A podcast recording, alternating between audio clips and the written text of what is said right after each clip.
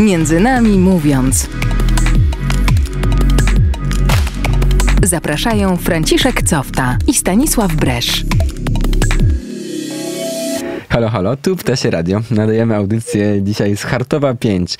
Audycja między nami mówiąca, a dzisiaj, no właśnie, takie Ptasie Radio, ponieważ e, w naszym studio Mikołaj Szoszkiewicz, miłośnik ptaków, prawie ornitolog, a przed mikrofonami Stasiu Bresz. i Franek Cofta. Zaprosiliśmy dzisiaj do studia Mikołaja, który ma za sobą parę wolontariatów ptasich. Zjeżdż, zjeździł różne miejsca na całym świecie, obserwując ptaki. Mikołaj, cześć. Cześć, cześć. Dobry wieczór. Dobry mi. Słuchaj, czy można nazwać się w ogóle ornitologiem? Kto to jest ornitolog? Y, No właśnie tak, ja się nie czuję y, ornitologiem, bo nie mam wykształcenia y, biologicznego, więc wolę określenie pasjonat przyrody. Tym bardziej, że y, nie tylko ptaki mnie interesują, y, i inne grupy zwierząt, krajobrazy y, czy rośliny są tak samo fascynujące. Czyli tak, co ty robisz? Ty jeździsz, jeździsz po całym świecie, bo o twoich przygodach, wyprawach za chwilę powiemy, ale są to różne zakątki świata, po to, żeby obserwować ptaki, obserwować tak, przyrodę? To jest jeden, jedna z form obserwacji przyrody, ale tak samo fascynujące może być pójść do parku nad Wartą w Poznaniu i obserwować tam y, równie piękne spektakle przyrody. A jak się zaczęła twoja pasja? I dlaczego ptaki? Dlaczego przyroda? Mm, Dlaczego przyroda, tego do końca nie wiem, bo odkąd byłem mały, to y, chodziłem do zoo. To był taki początek. To, to jeszcze mój tata zawsze opowiada, że jak byłem w przedszkolu, to y, z trzy razy w tygodniu chodziliśmy do starego zoo. Wtedy jeszcze nowego nie było. Mhm. No i to był początek takiej pasji przyrodniczej, myślę. E, A dlaczego, a pierwsze takie wspomnienie p- ptasie to było jak właśnie tata mnie i brata wziął w teren, jak miałem 5 lat. I mam takie wspomnienie y, widoku żurawi pierwszych Mhm. i to tak Jakie myślę. było twoje pierwsze ulubione zwierzę wtedy w zoo? Y, No ciężko powiedzieć. Lemury katta bardzo lubiłem. Y, Do teraz w Starym Zoo jest ten wybieg z lemurami i nadal są te zwierzęta. No i ja pamiętam sprzed 20 lat, jak tam chodziłem. A teraz ptaki?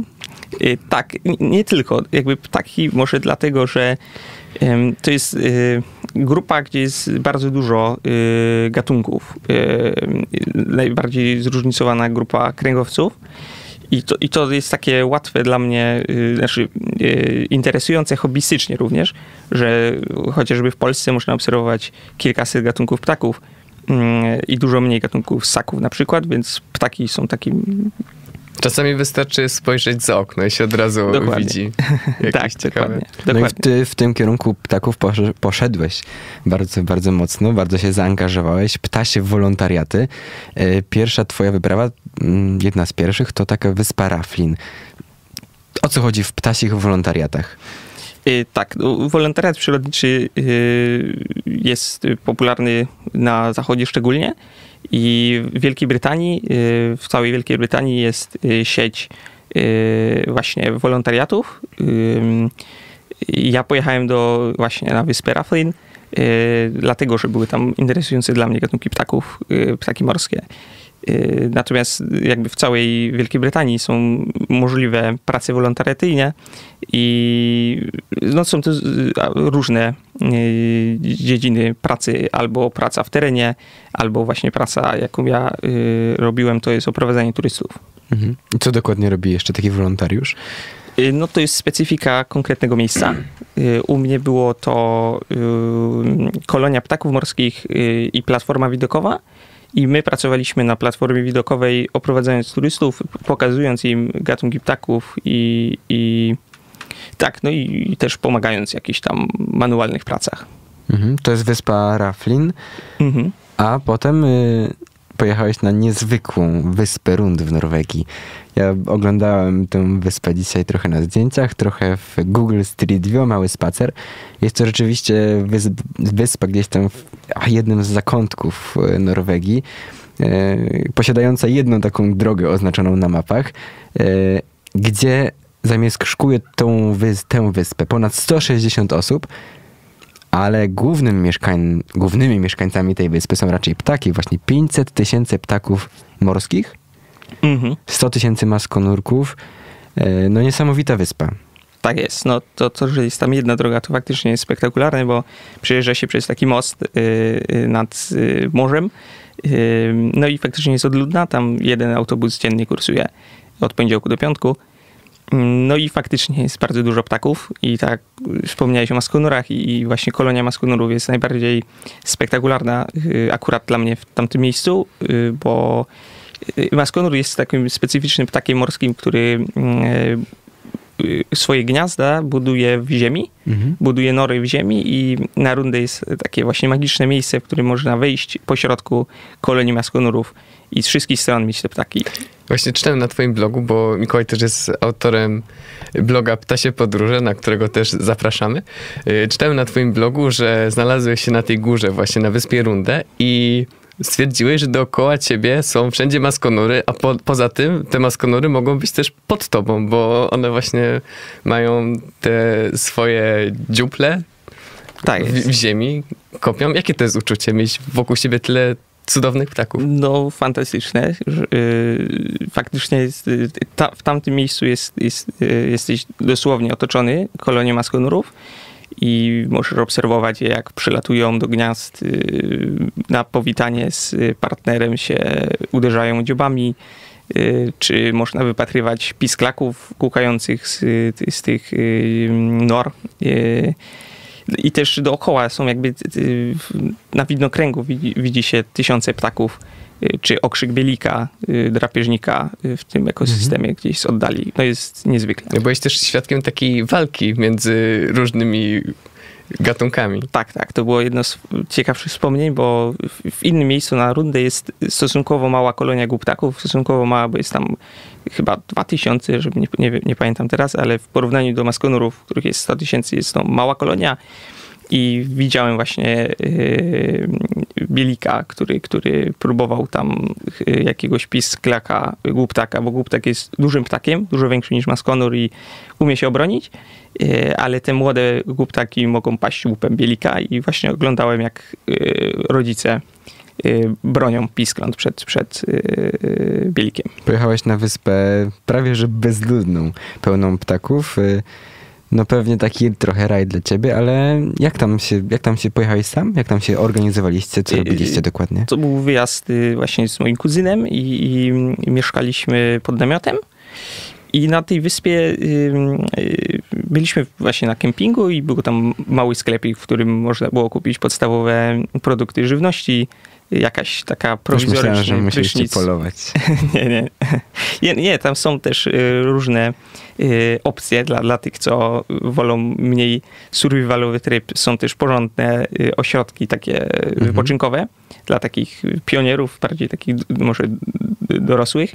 Natomiast w Norwegii jest ten problem, że wszystkie ceny za pokoje są bardzo, bardzo wysokie. Mhm. I wy tam po prostu obserwowaliście ptaki. Tak, no nie tylko widnokręgi, y, krajobrazy. No, mój kuzyn nie jest bardzo y, zaangażowany y, w przyrodę, ale był naprawdę no, zachwycony chociażby widokiem tych fiordów i, i samej wyspy. Jak, jak, jak to działa? Jak się obserwuje takie ptaki? Trzeba znaleźć jakieś konkretne miejsce? Jaki trzeba mieć sprzęt? Yy, trzeba czekać? Właśnie według mnie nie, nie trzeba konkretnego miejsca. Oczywiście wyspa Rundy czy wyspa Raflin jest y, niezwykła i, i na pewno warto to, to odwiedzić, ale mam również swoje ulubione miejsca wokół Poznania czy w samym Poznaniu. Co do sprzętu, no to faktycznie lornetkę warto mieć, ale nawet taką zwyczajną też można spokojnie obserwować ptaki. Y, A jeśli chodzi o czekanie, no trzeba się rozkoszować chwilą, po prostu czerpać tego, co jest dookoła. I, i ja przynajmniej tak mam y, zasadę, że nie, nie oczekuję czegoś spektakularnego, tylko cieszę się czy sikorką, czy, czy maskonurem. Mhm. Staram się cieszyć podobnie. Czy to nie jest tak, że to są godziny, które musisz tam gdzieś e, przeczekać, żeby zobaczyć pewien jeden jakiś cenny gatunek może? Czasami tak jest. Mhm. Czasami jest y, poświęcenie wstawania rano o wschodzie, żeby y, jakieś, y, jakieś, czy o zachodzie, jakieś spektakle przyrody y, są w konkretnych godzinach. Na przykład na Wyspie Rundę y, były to właśnie w kolonii maskonurów. Trzeba było przyjść y, późnym wieczorem bo w ciągu dnia maskonury polują na morzu i, i kolonia jest pusta i wieczorem się zaczyna dziać najciekawsze. Późny wieczór w północnej Norwegii latem, to która jest godzina? No to jest w zasadzie faktycznie cała noc może być, Czyli bo są można już białe noce. potem można czekać ze spokojem Tak, na tak, rano tak. i oglądać kolejny spektakl No, inny. jest- tak zimno na tych fiordach, że też nie można y, na tych klifach, y, że nie można aż tyle, ale, ale no, jeżeli się ciepło ubierzesz, to faktycznie możesz. No i na pewno to obcowanie z przyrodą też jest niesamowite. Ty na wyspę Rundę pojechałeś bardziej obserwować, a jeszcze rok później, z tego co, co wiem, pojechałeś też do, do Vancouver i w, Mhm. w Kanadzie, na, za, na zachodzie Kanady. Tak, I tak. tam już to był taki wolontariat ptasi pełną gębą, że tak powiem, bo tam obrączkowałeś ptaki. I tak, no nie mogę powiedzieć, że obrączkowałem, bo też jestem, y, byłem jako wolontariusz i nie mam, y, był to mój pierwszy taki wyjazd do y, o, o stacji obrączkarskiej, więc Mhm. bardziej pomagałem i uczyli mnie, jak obrączkować ptaki. Y, No tak, ale to już było zupełnie coś innego. Y, Tutaj starałem się, jak mogę, pomagać. To o co chodzi w obrączkowaniu ptaków? Po co to się robi? Y, No, robi się w celach naukowych, żeby, żeby zbierać dane o, o czy migracjach ptaków, czy, czy no Taki spis ludności trochę. tak, tak. I to przez to, że się te ptaki łapie w innych miejscach, wyłapuje, równocześnie z, jak się łapie takiego ptaka, to się mierzy i rozpiętość skrzydeł, i poziom tłuszczu, i parę innych parametrów i to daje taki pogląd na populację jakiegoś gatunku. To jak się łapie takie ptaki? Y, No, na wyspie Vancouver y, wyglądało to tak, że wstawaliśmy pół godziny przed świtem i rozkładaliśmy siatki. Siatki y, to są takie na dwóch słupach i są zwinięte na noc, żeby ptaki nie wpadały, bo, bo to trzeba, jakby wpadły i to mogłyby już nie przeżyć całej, całej nocy. No i rozwijamy y, te siatki i potem co pół godziny y, wszystkie siatki muszą być sprawdzane. Y, No i ptaki, które wpadły w tym czasie, wyłapuje się. I to nie jest szkodliwe dla nich w pewien sposób? Nie, no, bardzo, bardzo rzadko zdarza się, że ptak jakiś może faktycznie doznać kontuzji mm, z tego powodu, ale jak ja tam pracowałem, to się taki jeden zdarzył przypadek na wiele, wiele, wiele. A korzyści z ochrony i z badań nad ptakami są na pewno większe niż te małe szkody. Mój brat też jest bardzo zainteresowany ornitologicznie, tak ptasiarsko i właśnie parę lat temu też u nas w ogrodzie były rozstawione siatki, przyjechał Mhm. specjalnie ornitolog y, z Warszawy i też cały dzień po prostu łapali sikorki, różne inne gatunki, a jakie wy tam ptaki łapaliście? Jaki może taki gatunek, który ci najbardziej wpadł w pamięć? Y, No to mój pierwszy zaobrączkowany ptak przeze mnie to był y, junko zwyczajny. Y, To jest rodzaj wróbla. Tam w Ameryce mają, północnej mają więcej gatunków wróbli niż w Europie. No ale dla mnie każdy był faktycznie no, niezwykły z tych ptaków. Czy to różne gatunki lasówek, które pięknie wyglądają, czy też większe, jak rozwędrowy z piękną pomarańczową, pomarańczową piersią. No, bardzo duża różnorodność. Czy jest tak, że mm, gdzieś w swojej, w swojej przygodzie z tymi ptakami mm, rozpoznałeś takiego samego ptaka może dwa razy, albo złapałeś, albo spotkałeś w pewien sposób? Chodzi, ci, Można że... to jakoś rozpoznać? Na przykład po obrączce, czy... Tak, tak, tak. Y, y, Właśnie to, to jest jedna z form y, wartości właśnie badań z obrączek, że kiedy odłapujemy drugi raz tego samego ptaka, mamy więcej informacji. Ja, ja nie, ja zaobrączkowałem bardzo mało ptaków w życiu, y, może w przyszłości, jak będę miał większe doświadczenie, ale by, był taki właśnie zawodowy obrączkarz w tej samej stacji. Opowiadał mi historię, że zaobrączkował jednego ptaka y, właśnie na wyspie Vancouver, tam gdzie pracowałem, po czym pojechał na y, obóz obrączkarski do Ameryki Południowej i odłapał y, właśnie jakiegoś ptaka, sczytuje obrączkę i okazało się, że to jest jego. Chyba parędziesiąt tysięcy kilometrów. No, coś takiego. No ale te ptaki migrują, ale faktycznie się zdarzyło tak, że to, to jest jego zaobrączkowany i jego odłapany. Niesamowite. Czy w, w swojej przygodzie zajmujesz się gdzieś tam również e, gołębiami pocztowymi? Nie, nie. Zupełnie Zawsze- obcy mi temat. Te ptaki zawsze najbardziej mnie fascynowały, ponieważ no, przez to, przez, y, że w pewien sposób można nauczyć ich, prawda, jakichś zdolności, y, które mogą pomóc także ludziom. Czy są jakieś inne ptaki, które mają jakieś niezwykłe zdolności, o których, o których wiesz? Y, No, każdy ptak jest niezwykły na swój sposób y, i y, no, chociażby taki na właśnie na, w koloniach ptaków morskich innym, inną alką jest nużyk, który właśnie jest tak stworzony przez ewolucję, że potrafi zanurkować na ponad 100 metrów, mimo że jest ptakiem, a nie rybą. I przed chwilą rozmawialiśmy trochę o tym umroczkarstwie. Wspomnieliśmy, wspomniałeś w zasadzie o tym ptaku, który przeleciał niesamowitą ilość kilometrów. Migracje to jest y, taka część życia ptasiego, która jest chyba bardzo ważna. I jak to wygląda może tutaj u nas w Polsce? Tak, tak. To jest y, dla ptaków oczywiście to jest sposób na przeżycie, na, na, y, no, na przeżycie i potem na posiadanie sił na, na wiosnę, żeby znaleźć partnera. A dla nas, dla pasjonatów przyrody, są to właśnie jedne z najciekawszych spektakli przyrody. I w Polsce to również są przepiękne y, właśnie obrazki. Teraz mamy początek wiosny i zaraz będą przelatywać przez Polskę y, tysiącami gęsi y, zbożowe, białoczelne. Także nic innego, tylko wziąć lornetkę i Ciekawi mnie jeszcze e, to, czy ptaki w jakiś sposób e, mogą się dogadywać, bo widzimy te piękne klucze, które w świetny, zorganizowany sposób e, mm, są pewną, pewną przeprawą pomiędzy nawet kontynentami tutaj świata. E, Czy Tak. ptaki się jakoś dogadują?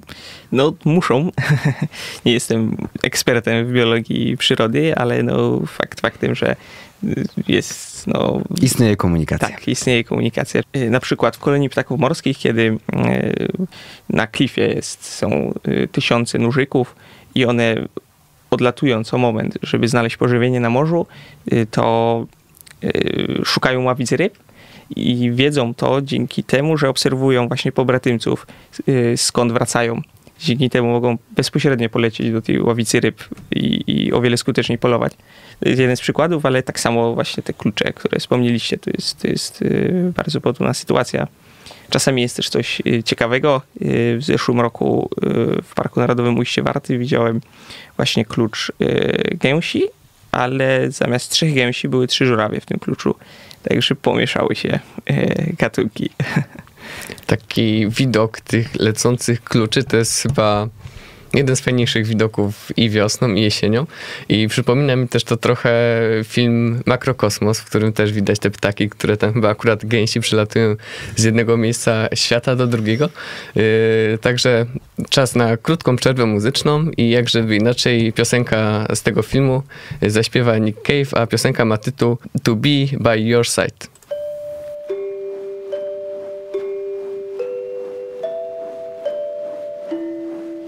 Cross the oceans, cross the seas, over forests of blackened trees. Między nami mówiąc. Zapraszają Franciszek Cofta i Stanisław Bresz. To był Nick Cave i To Be By Your Side i piosenka o tym, że miłość też może przybywać na skrzydłach. E, A my wracamy do naszej rozmowy z Mikołajem Szoszkiewiczem w studio Stasiu Bresz i Franek Cofta i rozmowa o ptakach.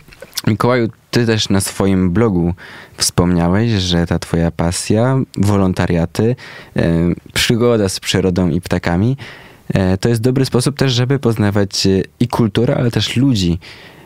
Jak to wygląda? No, zgadza się. Drugą moją największą pasją, tak myślę, jest, y, są podróże.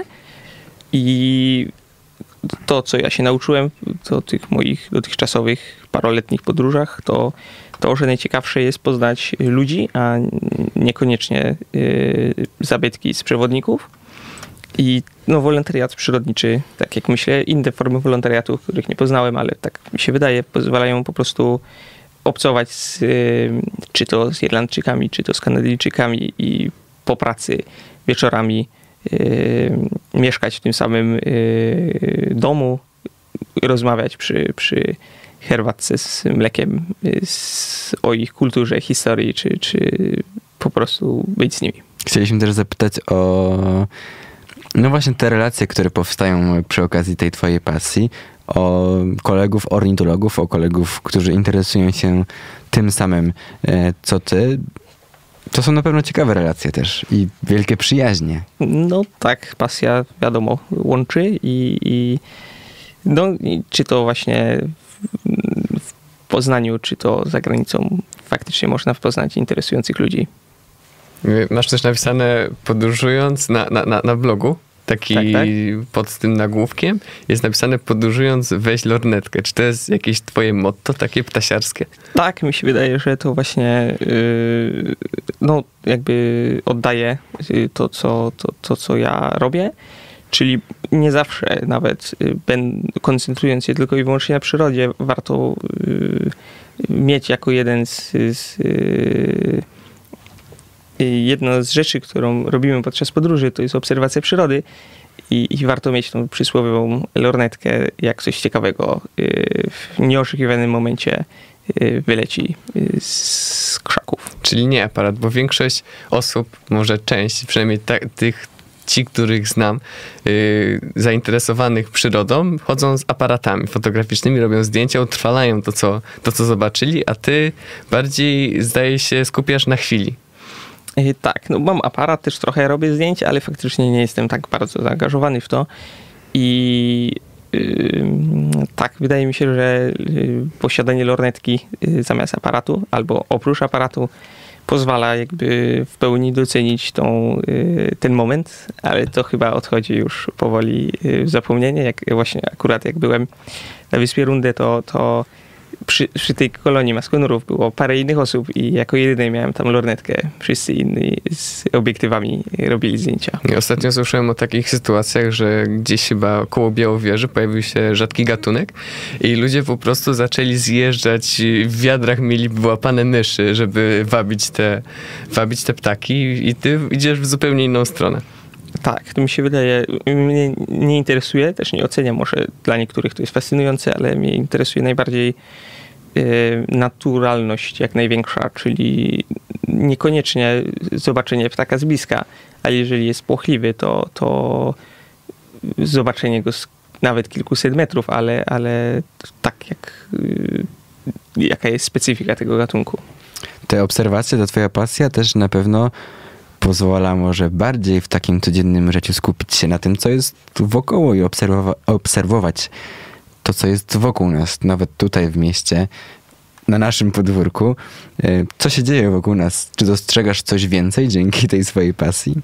No tak, y, ch- chodząc po mieście czasami można zobaczyć, y, czy to zimą na przykład y, stada jemiołuszek, które teraz przelatują, czy po prostu pójść na spacer nad, y, no ja często chodzę w Poznaniu do Parku Szelongowskiego na przykład i tam też obecnie y, w okresie zimowym y, można obserwować czy gongoły, czy perkoski, to są no, bardzo ciekawe obserwacje. No właśnie, mówiliśmy o wielkich, dalekich wyjazdach.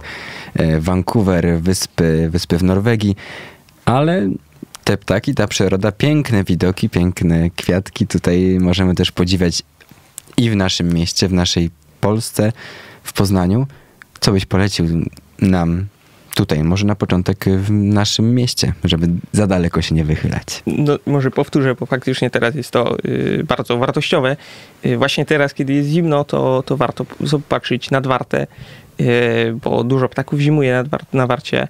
Mm, I czy właśnie czy w samym Poznaniu, y, y, w Parku Szelongowskim, czy też może trochę dalej, w okolicach Radojewa, czy w Biedrusku nawet. Y, Bardzo dużo ptaków jest i też to są fajne miejsca na po prostu spacer i, i po prostu warto wziąć lornetkę przy okazji, żeby w miłym, rodzinnym gronie obserwować również e, przyrodę. Y, A jak my możemy pomóc ptakom? Czy warto pomagać takim dzikim ptakom, czy to raczej jest niepotrzebne? Tak, na pewno jest potrzebne. Na pewno też ludzie, pojedyncze jednostki mogą mniej, ale warto na pewno wspierać yy, organizacje, które działają, yy, czy to właśnie Ogólnopolskie Towarzystwo Ochrony Ptaków. Tak, na pewno warto pomagać, bo przyroda potrzebuje yy, pomocy w Polsce. A takie wysypywanie y, jakiegoś, jakichś ziaren do karmnika to też? Y, Tak, jeżeli są to faktycznie y, zi- ziarna czy, czy, czy, czy słonina przeznaczona dla ptaków, to jak najbardziej, ale wyrzucanie chleba, które dużo ludzi wyrzuca, jest, y, naukowcy mówią, że jest szkodliwe i nie powinniśmy tego robić. Czy masz jakieś swoje ornitologiczne marzenie, jakieś albo przyrodnicze marzenie jakieś, coś chciałbyś zobaczyć? Gdzieś chciałbyś pojechać? Y, No dużo tego jest, bo każdy kontynent ma swoją specyfikę, jest tak samo no, równie fascynujący. Y, Najbardziej, co zawsze mnie ciągnęło od, od, od małego, to jest, Ameryka Południowa i zobaczenie y, dżungli y, amazońskiej, gdzie, gdzie ta bioróżnorodność jest najwyższa y, na świecie. Ym, No, ale wymieniać byłoby dużo, czy to Australia, czy Madagaskar, czy y, RPA. Madagaskar i telemury, które już od dzieciństwa Tak, jakoś tak, cię tak. interesowały. Tak jest. Ptaki, przyroda, to co obserwujesz, bardzo często jest y, motywacją. Pojawia się w sztuce, w kulturze, w piosenkach, w księgach, y, w utworach wielkich twórców. Y, Czy coś z tej kultury sztuki ciebie inspiruje twojej Mm, pasji? Tak, teraz y, w y, Polsce jest y, wysyp książek przyrodniczych. Staje się to coraz bardziej popularne i są no, naprawdę wartościowe pozycje. Z, tych, które mnie najbardziej chyba zainspirowały, to jest książka 12 srok za ogon Stanisława Łubińskiego. No, Są, jest bardzo dużo, także warto również w ten sposób obcować z przyrodą. A muzyka? Słuchasz coś obserwując? Przechadzając tak, się po również, parku? y, y, również są utwory, czy to właśnie y, To Be By Your Side, y, Czyli ten właśnie nasz utwór z Tak muzycznej jest. przerwy. czy y, muzyka klasyczna, jak y, Sroka Złodziejka Rossiniego również mnie inspirują. A chciałbyś może opowiedzieć trochę o książce, z którą przyszedłeś do studia, bo Mikołaj zostawił właśnie tutaj na biurku leży książka pod tytułem Ptaki. Co to jest za książka? To sobie zostawiłem jakby pytanie jakieś mnie zaskoczyło. Jest to przewodnik Collinsa i to jest takie, no taka Biblia każdego. Wademekum. Tak jest, to każdy ma, każdy zna. I, i to- Wyszukiwarka ptaków. To, no, Coś tak, takiego. Takie, taki wujek Google ptasi. Dobrze, jaki na koniec może jest w takim razie twój ulubiony ptak? Jeszcze zapytajmy. To może y, mógłbym powiedzieć, chociaż tych ptaków, no każdy jest niezwykły i nie skupiam się na jednym konkretnym, ale, ale bardzo y, lubię obserwować dosyć y, popularnego perkoza dwuczubego. To też może tak trochę, że z dzieciństwa te perkozy dwuczube zawsze obserwowałem na jeziorach, czy to jak z rodzicami byłem na wakacjach na Mazurach, zawsze je obserwowałem. I są bardzo ładne, i bardzo ciekawe zachowanie mają i, i, i takie najmilsze wspomnienie mam, mam z nimi. Stasiu, a jak dla ciebie? No, dla mnie zawsze największym marzeniem chyba było zobaczyć Maskonura, bo jakoś od, w dzieciństwie miałem taką książeczkę małą i właśnie było historia Maskonura i wydaje mi się, że to jest właśnie taki gatunek, który zawsze chciałbym zobaczyć. A ty, Ja chyba najbardziej lubię pingwiny, bo pingwiny to, to też ptaki, prawda? Tak jest, ale to na półkuli południowej, także To prawda. nie miałem okazji jeszcze Ale jakoś one mnie najbardziej obserwować. pociągały i bociany. E, A jest jakaś postać, która może ci inspiruje, taka ornitologiczna? Przyrodnicza może? W filmie Grizzly Man, e, Grizzly Man, film Grizzly Man opowiada o, o właśnie takim zapalonym e, przyrodniku, który, który spędzał całe e, życie, e, całe, całe lato, przez wiele lat, całe lato spędzał na Alasce z niedźwiedziami i no i ten film tr- inspiruje mnie, jest tam pokazana pełna em, y, jakby y, zaangażowanie w tą przyrodę nawet kosztem własnego bezpieczeństwa. Natomiast jego historia kończy się nie- nieciekawie, bo został koniec końców y, rozszarpany przez te niedźwiedzie. Nie chciałbyś tak skończyć pewnie. Tak bym nie chciał, ale taką, taką pasję do przyrody chciałbym mieć. A tak pytanie na koniec, co daje tobie ta pasja? Takie zaangażowanie w tą przyrodę? Y, daje nie tylko pasję, myślę, to jest tak- nawet y, myślę forma duchowości dla mnie i spędzanie z tą przyrodą y, czasu jest dla mnie nie tylko piękną formą spędzania czasu, ale też jakby takim duchowym przeżyciem. Dziękujemy Ci, Mikołaju, za tę przyrodniczą, ptasią przygodę dzisiaj w studiu radia e, Emaus. Z nami był Mikołaj Szoszkiewicz. Zapraszamy Na... Dziękuję bardzo. Zapraszamy na jego, na jego bloga, który nazywa się Ptasie Podróże. I, I też na jego Facebooka. O takiej samej Tak nazwie, jest. prawda? Ale Tak też zapraszamy na nasze media społecznościowe, czyli Facebooka, Instagrama, Instagrama, YouTube'a. YouTube'a, gdzie można posłuchać nasze poprzednie audycje. A my słyszymy się już w przyszłym A tygodniu. tę audycję, audycję kończymy także słowami wiersza, którego, Którego? słowami zaczęliśmy też tę audycję. Jak to było? Przyleciała leśna milicja i tak zakończyła się ta ptasia audycja. Do usłyszenia. Do usłyszenia za tydzień. Między nami mówiąc.